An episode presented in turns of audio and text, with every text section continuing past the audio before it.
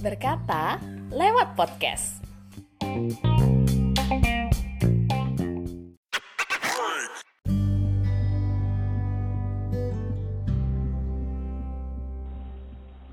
Menyusui atau biasa kita sebut mengasihi adalah suatu proses antara ibu dan anak. Langsung saja kita berbicara dari salah satu perwakilan Sanggar ASI yang merupakan bisnis sosial yang concern di bidang natural parenting ada Mbak Mimi yang sudah tersambung yang merupakan konselor menyusui, kemudian co-founder dari Sanggar ASI, serta merupakan praktisi hypnobreastfeeding dan pijat laktasi. Halo Mbak Mimi. Halo Mbak Anggi, selamat malam. Selamat malam, selamat pagi, selamat siang, selamat sore. Oh, iya, ya, oh iya, tergantung yang denger ya. Betul. Baik, selamat pagi, siang, sore, dan malam ya. Iya. Uh. Apa kabarnya nih Mbak Mimi? Alhamdulillah baik. Mbak Anggi gimana? Baik. Baik-baik nih? Juga baik juga. Ini pernah datang ke tempatnya Mbak Mimi kebetulan oh, saya. Saya. Ah, ya, uh, betul kita pernah ke sana sama suami sama anak mm -hmm. langsung diberitahu diarahkan bagaimana menyusui secara belajar ya, mm -mm, uh. secara baik gitu. Terbantu Mbak Anggi? Sangat terbantu ini Sanggaras itu benar-benar. Tapi waktu itu sih nyadar kalau kurangnya saya adalah kurang persiapan sebelum persalinan. Nah, hmm. kalau sebelum persalinan itu kira-kira harus menyiapkan apa sih ibu-ibu muda nih? Siapa tahu yang mendengarkan ibu-ibu muda untuk menyiapkan supaya diri ini siap untuk menyusui alias mengasihi kepada anak tercinta.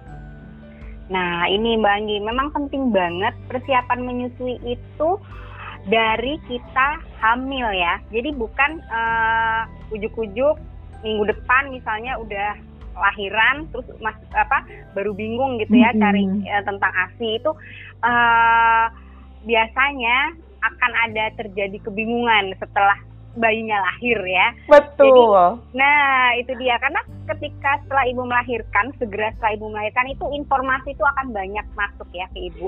Mm-hmm. Mulai mungkin dari tenaga kesehatan, dari uh, keluarga, dari teman gitu ya. Jadi kalau ibu tidak punya kemampuan yang mumpuni sebelum persalinan itu datang, tentu si ibu itu bisa galau, bisa goyah, bingung ya, ya nggak mm -hmm. sih ngerasa kayak gitu kan? Bener banget, bahkan mm -hmm. bikin agak stres gitu, kira-kira mm. anaknya mana nih asinya nih mana nah, gitu. Nah itu kemarin saya juga boleh ya cerita sedikit? Boleh, juga? boleh, boleh. Saya itu kemarin sempat uh, diundang untuk melakukan pelatihan ke tenaga kesehatan ya di salah satu rumah sakit bersalin di Jogja. Itu mm -hmm. uh, mereka memang refleksnya ketika ibu apa visit ibu menyusui, eh ibu baru melahirkan itu yang pertama kali ditanya adalah asinya sudah keluar belum, mm-hmm. gitu. Padahal kata-kata itu kan bisa membuat ibu itu depresi ya karena mm-hmm. uh, dia aja baru lahiran ya dia nggak tahu gitu eh asi saya udah keluar belum ya aduh dipencet nggak bisa dan segala macam nah mm-hmm. kalau ibu tidak mempunyai pengetahuan tentang bagaimana produksi ASI itu, nah itu akan membuat down dan bisa uh, memperlambat proses mulainya menyusui. Yang kemudian jadi jadi apa ya? Kalau awalnya udah tertunda, nanti lama-lama jadi semakin lama semakin lama dan bayinya akan semakin susah untuk menyusui, ya kan? Mm -hmm. Jadi yang pertama kali yang penting itu pertama ya untuk ibunya itu adalah badinya dulu. Fisiknya itu harus sehat. Mm -hmm. Ketika hamil dia itu harus sehat asupan nutrisinya harus bagus, istirahat yang cukup, terus mungkin sudah mulai mempersiapkan persalinan yang nyaman dan minim trauma ya. Mm-hmm. Karena itu akan berpengaruh pada uh, proses menyusui selanjutnya. Terus yang kedua yang perlu dipersiapkan itu mind. Jadi udah body, mind. Mm-hmm. Mindnya itu adalah pengetahuan, pengetahuan yang cukup mengenai ilmu laktasi. Jadi dari hamil ini kita sudah uh, apa ya?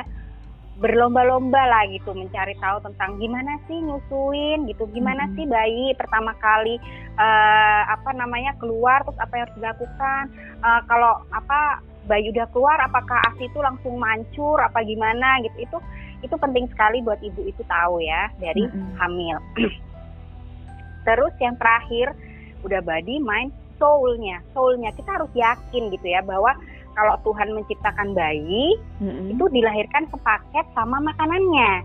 Okay. Ya, ASI sendiri itu sebenarnya sudah diproduksi di uh, trimester 2. Jadi trimester 2 tuh sebenarnya payudara kita ini udah ada asinya nih, tapi memang nggak bisa keluar karena ada hormon kehamilan tadi. Hmm. Kalau ada, kalau misalnya asinya keluar, biasanya rahimnya kontraksi.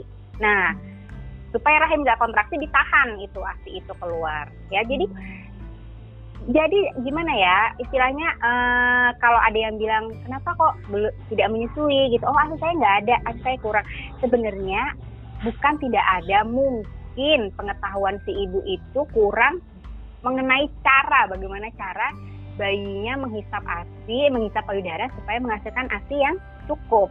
Itu yang penting ya. Jadi uh, tiga hal yang pasti harus kita punya sebelum uh, si bayi lahir ya. Mm-hmm. Itu body, mind, sama soul.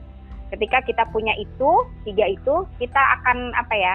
Ada kepercayaan diri bahwa ASI itu bisa lancar dan mencukupi buat kebutuhan bayi.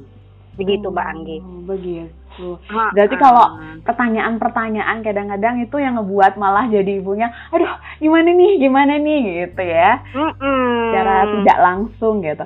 Tapi dalam proses untuk memunculkan, mengeluarkan asinya apa? Perlu tambahan seperti pompa asi atau diperah sendiri gitu? Kalau segera setelah bayi lahir yang pertama adalah susui bayi sesering mungkin. Jadi itu kayak uh, kalau ASI itu masih kegembok gitu ya di payudara, isapan bayi itu kuncinya lah gitu buat ngeluarin. Dengan catatan posisi pelekatannya harus benar gitu. Jadi kalau ketika posisi pelekatannya benar, kuncinya ini benar masuk ke gemboknya, itu akan merangsang hormon-hormon ASI ya. Ada dua ya hormonnya prolaktin dan oksitosin. Itu dua-duanya akan terangsang dengan hisapan bayi itu. Nanti boleh setelah uh, bayinya biasanya kalau bayi baru lahir ya tiga di bawah 30 hari itu menyusu sekitar 10 sampai 12 kali lah ya. Mm-hmm. Jadi dua jam sekali ya. Boleh, boleh banget kalau misalnya pas bayinya tidur nggak nyusu, boleh ibunya merangsang dengan dipijat atau misalnya dipompa, itu boleh banget.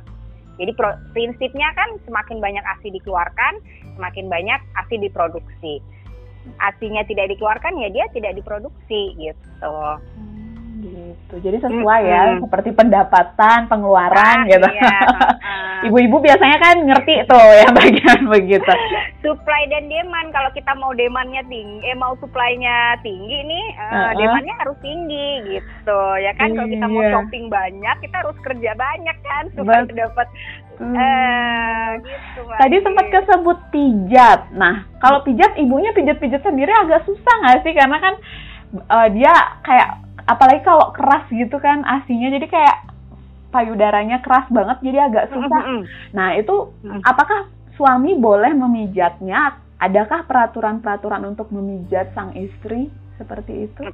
Bo uh, boleh, boleh siapa aja boleh pijat. Jadi kalau misalnya payudaranya sampai bengkak, itu berarti produksi asinya udah banyak, tapi nggak dikeluarkan ya kan? Mm -hmm.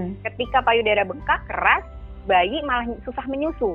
Ya nggak bener nggak? Benar. Jadi, jadi yang penting itu adalah uh, payudara itu lunak. Karena itu, nah ini pengetahuan lagi nih dari uh, buat si ibu sebelum uh, melahirkan. Jadi usahakan payudara itu selalu lunak. Ketika payudara udah mulai kenceng gitu, boleh dipijat, boleh dipompa.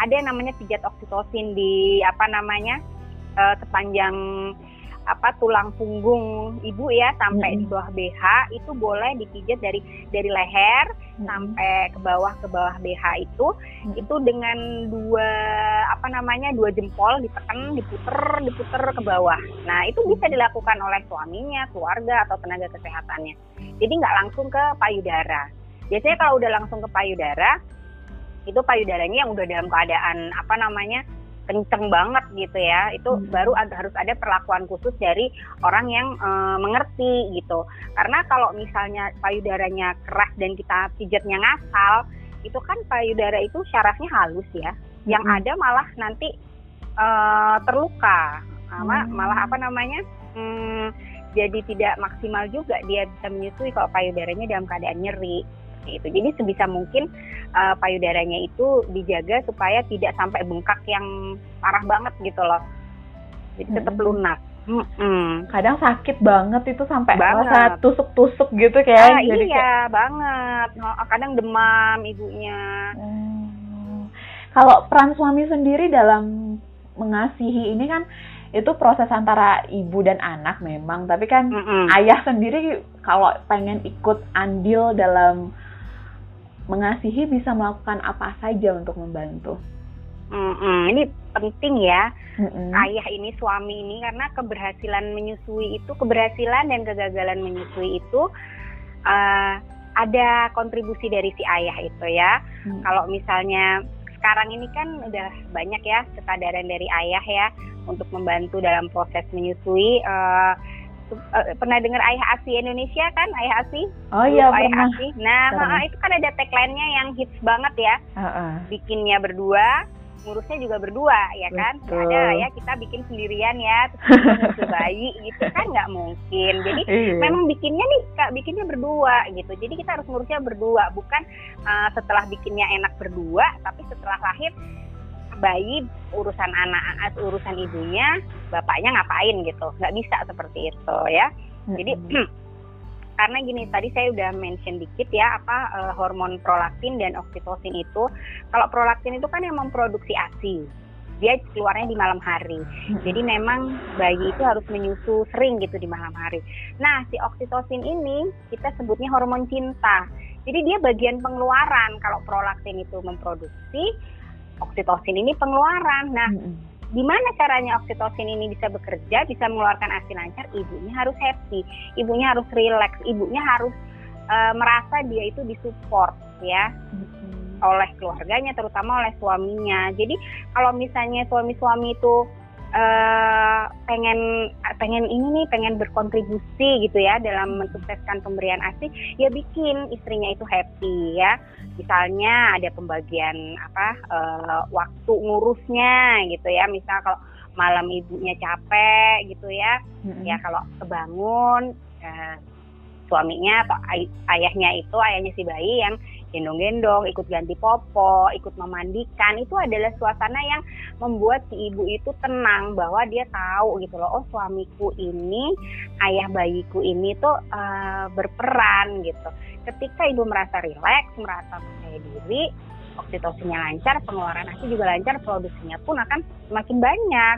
Dipijet misalnya istrinya, kalau misalnya capek atau kalau misalnya lagi berantem berantem dikit ya ngalah dulu atau cari solusi yang terbaik lah supaya uh, apa uh, konfliknya itu tidak berpengaruh pada psikis si ibu itu gitu jadi coba bayangin kalau suaminya cuek gitu ya mm-hmm. ya oksitosinnya nggak akan jalan ketika oksitosin nggak jalan nggak lancar kan produksi asinya ketika nggak mm-hmm. lancar bayinya akan e, merasa marah ketika mm-hmm. menyusu lalu kemudian kekurangan ASI dan segala macam. Jadi makanya itu lagi ya keberhasilan dan kegagalan menyusui itu ditentukan oleh suami. Oh, gitu.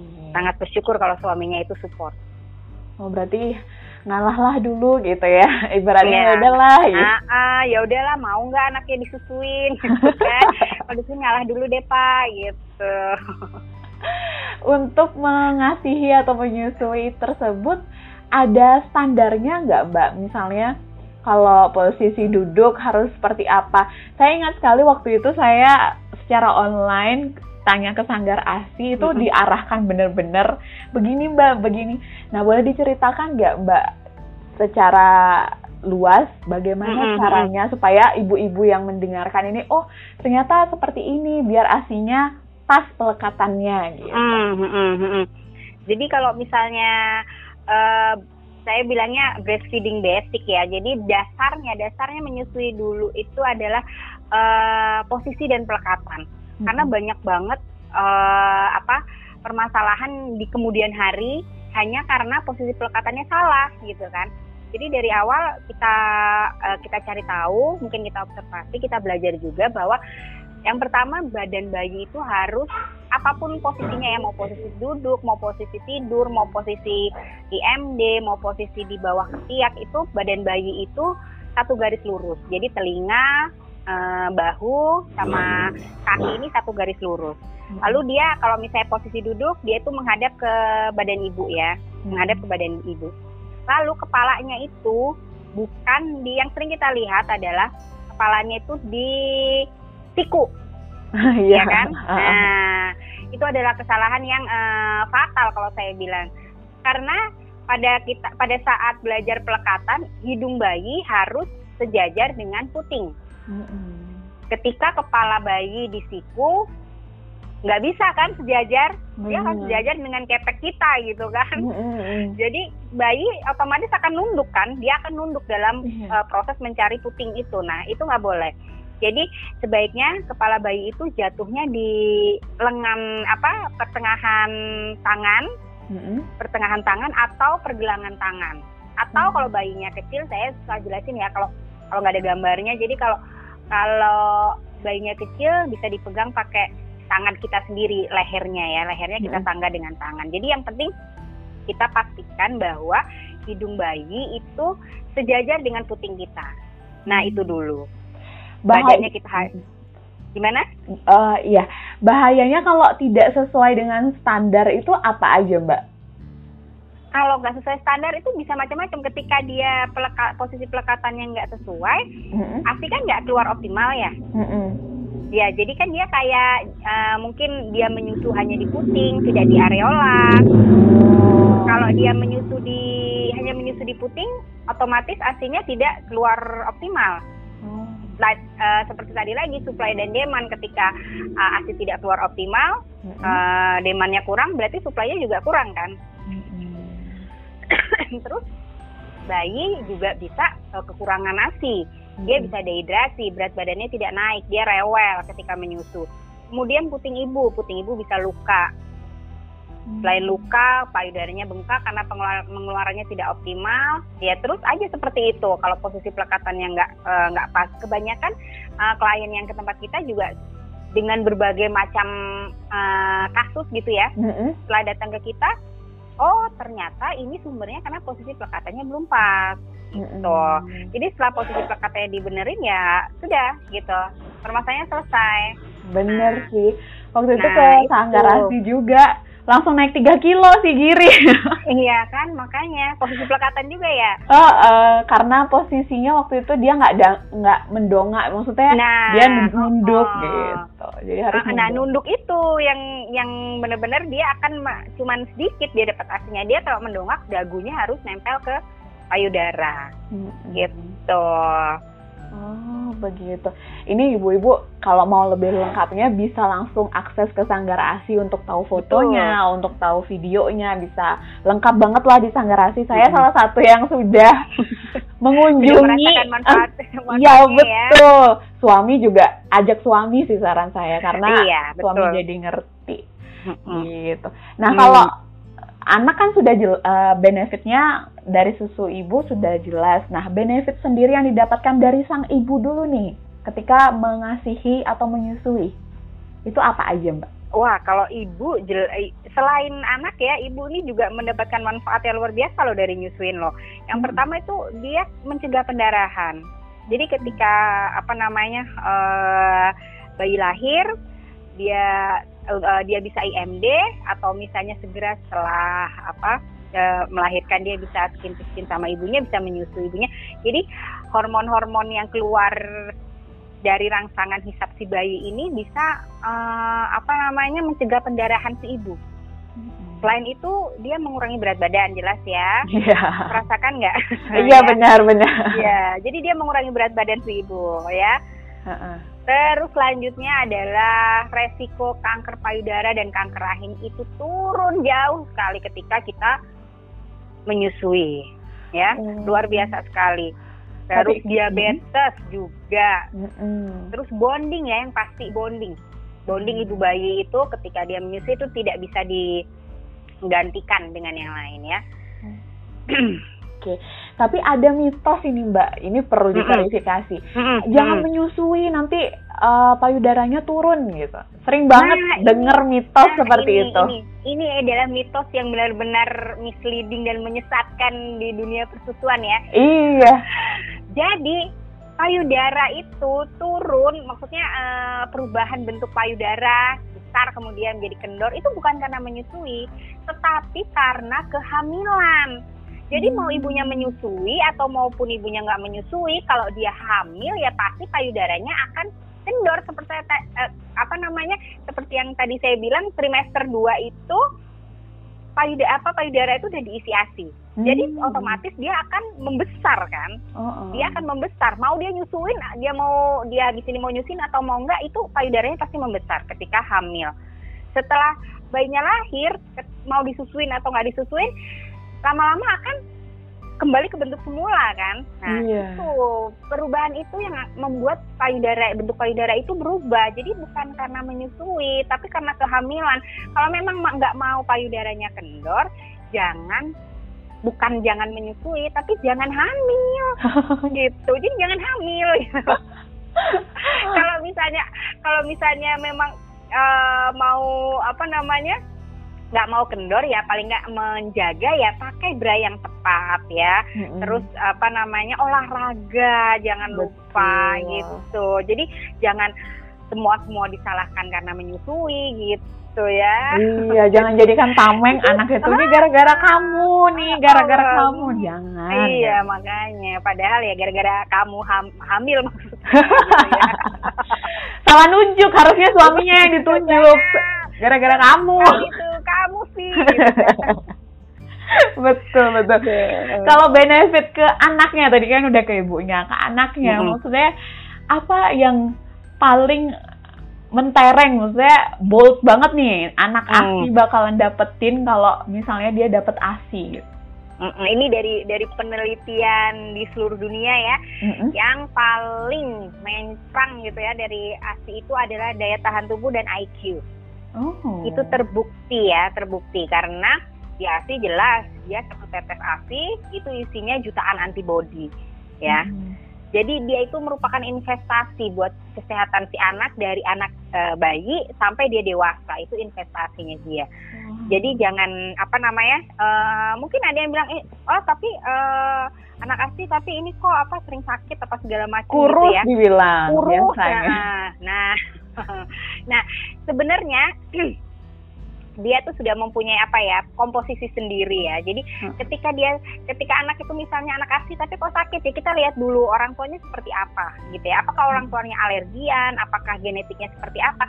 Dia minum ASI aja dia mungkin eh, lebih sering sakit. Bagaimana kalau dia tidak minum ASI gitu. Dia akan pasti jauh lebih eh, buruk lagi kesehatannya. Jadi mungkin dia sakit-sakitan di kecil karena dia sedang membangun eh, badannya sedang membangun antibodi sendiri yang dibantu dengan ASI seperti itu karena karena ini bukan cuma penelitian 5, 10, 20 bayi ya, tapi jutaan bayi di seluruh dunia yang kemudian ada dari Badan Kesehatan Dunia bahwa konklusinya adalah anak ASI itu daya tahan tubuhnya lebih uh, oke dan IQ-nya lebih tinggi. Itu.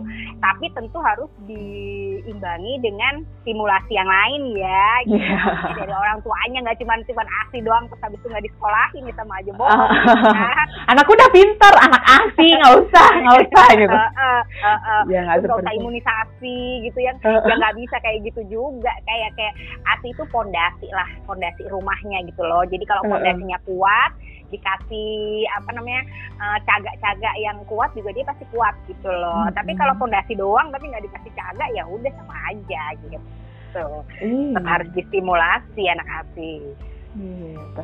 Tapi anak saya kan pernah nih Mbak ke, eh, ke Mm-mm. taman bermain gitu. Mm-mm. Terus habis itu anak saya emang gendut, gendut-gendutnya tuh Mm-mm. sebelum pasi tuh gendut-gendutnya. Setelah pasi ya karena udah bisa macem-macem jadi kan agak udah kurusan. banyak gerak Ah, ah. Nah, gendut banget itu, tumpah-tumpah pokoknya. Ditanyain susu formula apa? Nggak ada yang nanya itu ASI atau bukan. Susu formula apa gitu. Mindset orang pada umumnya tuh selalu gendut itu susu formula, Formula. gitu. Padahal Tahu nggak kenapa? Tahu nggak kenapa Mbak Anggi? kenapa? Karena formula itu gulanya tinggi. Oh. Jadi anak-anak anak formula itu uh, gula, pertama gulanya tinggi, terus kedua formula itu susah dicerna sama pencernaan kita ya. Hmm. ya. Jadi anak formula itu ketika bayi dia cenderung anteng, oh, nggak iya, banyak iya, iya, gerak, benar, benar, benar. tidur. Karena apa? Karena energinya itu dipakai buat mencerna si formula ini. Mungkin si pencernaannya ini bertanya-tanya gitu loh, ini apa sih gitu. Heeh. Kok susah banget dicerna gitu kan? Ya seperti ASI, pen- apa masuk ke serat, masuk ke serat. Ini jadi energinya itu habis buat mencerna si formula tadi. Jadi anak anak formula tuh rata-rata anteng, terus eh, lebih kalem, maksudnya nggak terlalu banyak gerak. Terus memang gulanya kan tinggi, karbohidratnya juga tinggi. Karena itu ya itu, jadi eh, udah terkorelasi gitu anak formula pasti eh, gendut gitu ya, gemuk gitu. Kalau nimbang oke lah ya tiap bulan gitu. Karena ya itu tadi. Tapi sehat atau enggak gitu loh Iya. pertanyaannya ya. Enggak Iya. asal gendut. Betul. Sering banget saya dapat pertanyaan seperti itu. Makanya saya kayak, emang emaknya nggak, tampang-tampang saya nggak ngasih asi nih. Gitu. Kayak, Eh, langsung tapi langsung sombong gitu ya, "Ah, kasih dong. Anak asi membusungkan dada gitu. gitu. Ya ampun, emang ibu-ibu itu tapi mungkin kalau anaknya ada indikasi apa ya mungkin tambahin Betul. formula nggak apa-apa. Tapi kalau ibunya Karena- bisa, ya, Hmm, hmm, kenapa? Jadi enggak? formula itu sebenarnya eh, kita bukan sebenarnya bukan tidak suka dengan formulanya karena formula Mm-mm. itu memang membantu untuk indikasi medis ya dan Mm-mm. dengan resep dokter yang kita sayangkan itu adalah eh, pemasarannya si formula itu masif banget sehingga eh, ibu-ibu itu jadi salah pikir gitu loh jadi dikit-dikit ah nggak mau nyusu formula. Ah ini sedikit formula gitu. Padahal kan eh, apa indikasi medis seperti apa dulu yang harus eh, diperbolehkan untuk memakai formula itu sebenarnya ya. Karena kita juga ya kita nggak kalau memang harus pakai formula untuk medis boleh boleh nggak masalah gitu loh. Asal jangan di generalisasikan semua permasalahan menyusui itu adalah formula gitu. Betul, itu setuju Hmm. banget sih. Hmm. Dan tentunya dampak positif bagi keluarga adalah penghematan. Nah, penghematan besar-besaran berapa?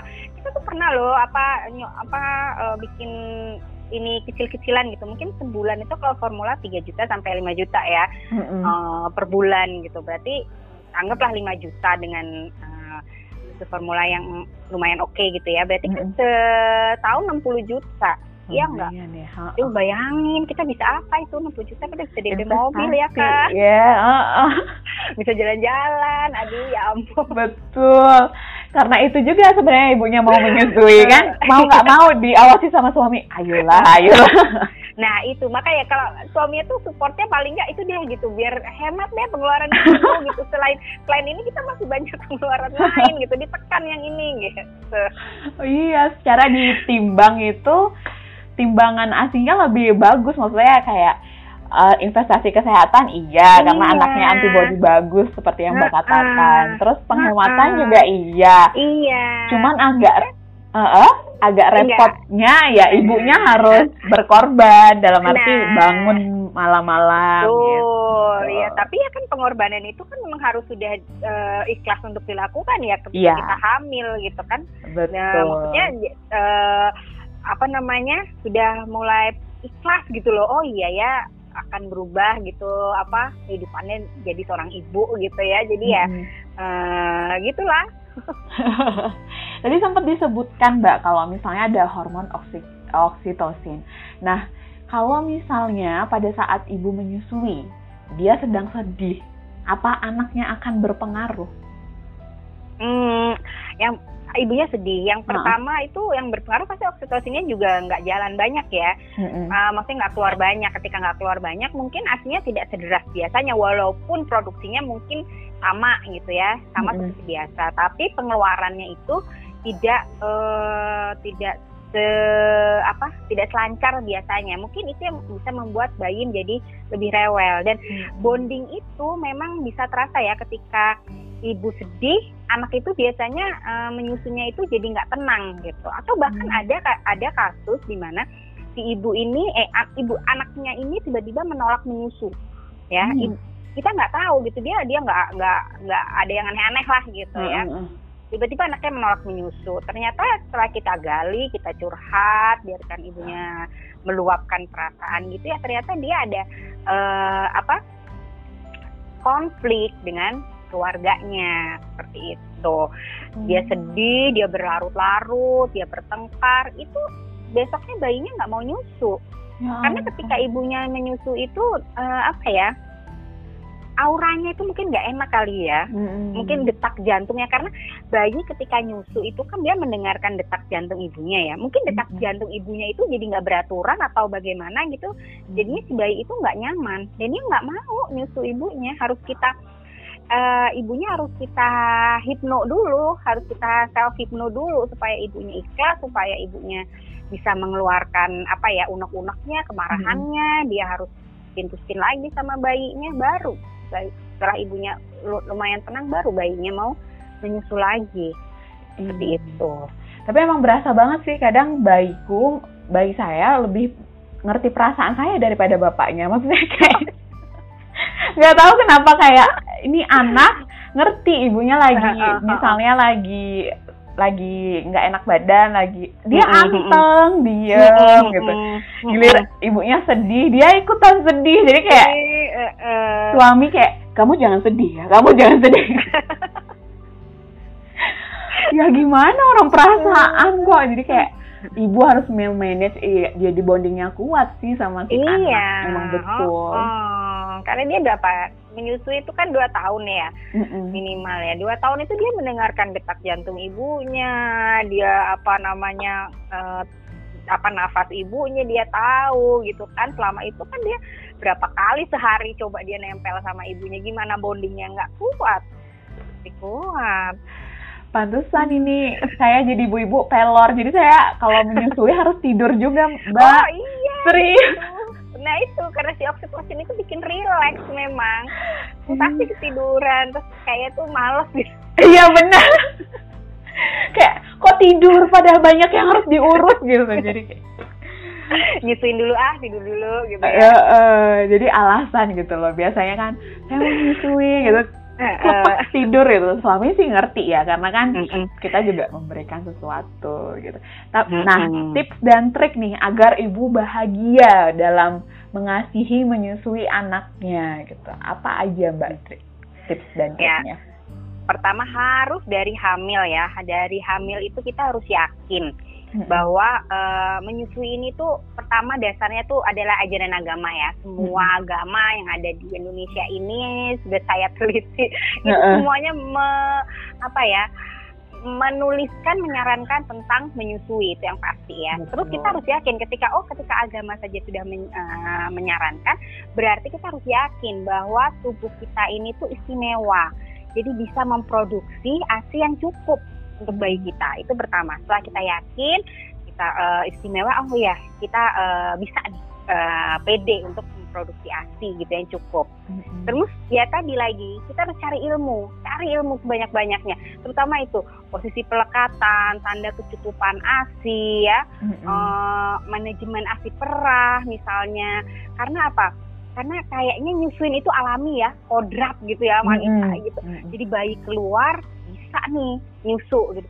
Tapi kan kenyataannya nggak seperti itu kan Iya, heeh. jarang banget bayi itu nempel terus langsung lihai gitu dia nggak bisa jadi Betul. walaupun dia alami dia kodrat wanita jadi kita tuh harus apa ya eh itu keterampilan dan pengetahuan yang memang harus dipelajari jadi kita harus mempelajari walaupun itu adalah sesuatu yang alami ya terus lalu support system bangun support system dari awal ajak keluarga untuk bicara misalnya misalnya kakek neneknya atau eyangnya atau pengasuhnya yang nanti ini atau suami yang paling penting bangun Eh, ini loh eh, aku tuh mau nyusuin saya tuh mau nyusuin karena ini karena ini karena ini jadi mereka tuh sudah tahu oh jadi si ibu ini mau nyusuin Mm-mm. atau dengan eh, apa rekan kerja itu bangun support system ya Mm-mm. Terus yang terakhir itu yaitu selalu ikhlas dan bersyukur menjalani peran sebagai ibu. Jadi Iya. sudah yakin, sudah sadar bahwa setelah bayi lahir itu kehidupan akan berubah Betul. dari seorang wanita menjadi seorang ibu. Itu harus dipahami betul-betul. Jadi kalau misalnya kita sudah bisa menjalankan empat trik tadi, ya insya Allah uh, proses menyusui akan lebih gampang dan lebih membahagiakan ya. Iya. Tipsnya hmm. mantap hmm. banget. Seandainya saya tahu sebelum saya, uh, maksudnya sebelum saya melahirkan gitu. ini dong, ini udah uh, anak kedua udah belum atau anak ketiga? Belum, belum. ini aja belum sapi mbak, ini baru mau oh. dua tahun dia. Oh iya, oh iya iya. Uh, iya. Uh, jadi pelan-pelan aja dinikmati, nanti sedih loh. Iya ini aja udah mulai berasa kok kayak sepertinya dia tidak membutuhkan aku lagi gitu. Nah itu itu itu yang biasa dialami oleh ibu-ibu yang mau menyapi itu. berasa tidak dibutuhkan lagi kan nanti setelah dia bener-bener nggak -bener nyapi terus ibunya meneteskan air mata gitu. Drama gitu. Memang proses dalam menjadi ibu tuh nggak nggak singkat iya. ya, maksudnya setelah itu kita banyak hal yang harus dipelajari lagi. Ini mantap Betul. banget tips dan trik dan semoga bisa didengarkan oleh ibu-ibu yang sedang mempersiapkan kelahirannya atau ibu-ibu yang sedang mengasihi lebih terbantu dengan informasi Betul. yang diberikan Betul oleh sekali. Mbak Mimi ini. Terima kasih loh banget loh iya, Mbak udah mau di telepon sama berkata lewat podcast jam segini. Pagi kan ini? Iya, pagi upacara bendera. pagi, pagi. Oke, terima kasih Mbak sudah membahas tentang iya, menyusui dan sama -sama. mengasihi. Semoga nanti Mbak hmm, nggak main-main ke sanggar asi lagi Mbak. Ada kemungkinan nanti pas nyapih mungkin Mbak. Iya boleh boleh boleh kita nanti dengan senang hati. Oh iya nanti ada kontennya lagi menyapi eh, anak gitu. Oh iya winning with love ini lagi ini banget lagi banyak banget nih klien-klien yang mbak nyapi dong gimana mbak iya. kita sampai bikin materi sendiri winning with love. Iya bener. Itu kayaknya perlu banget deh buat ibu-ibu. Setelah melewati menyusui nah ini ragu maju mundur menyapi menyapi gitu Nah, okay. itu. Oke, okay, sampai ketemu nah. di next episode di bagian iya. menyapi ya, Mbak. Jangan kapok okay. loh. Iya dong, Mbak Anggi. Senang banget bisa berbagi. Iya. Terima nah. kasih Mbak Mimi. Semoga Sanggar Asi semakin sukses dan Mbak Mimi pun semakin sukses. Sama dengan Mbak Anggi juga doanya ya Mbak. Iya, terima kasih. Nah, sama-sama.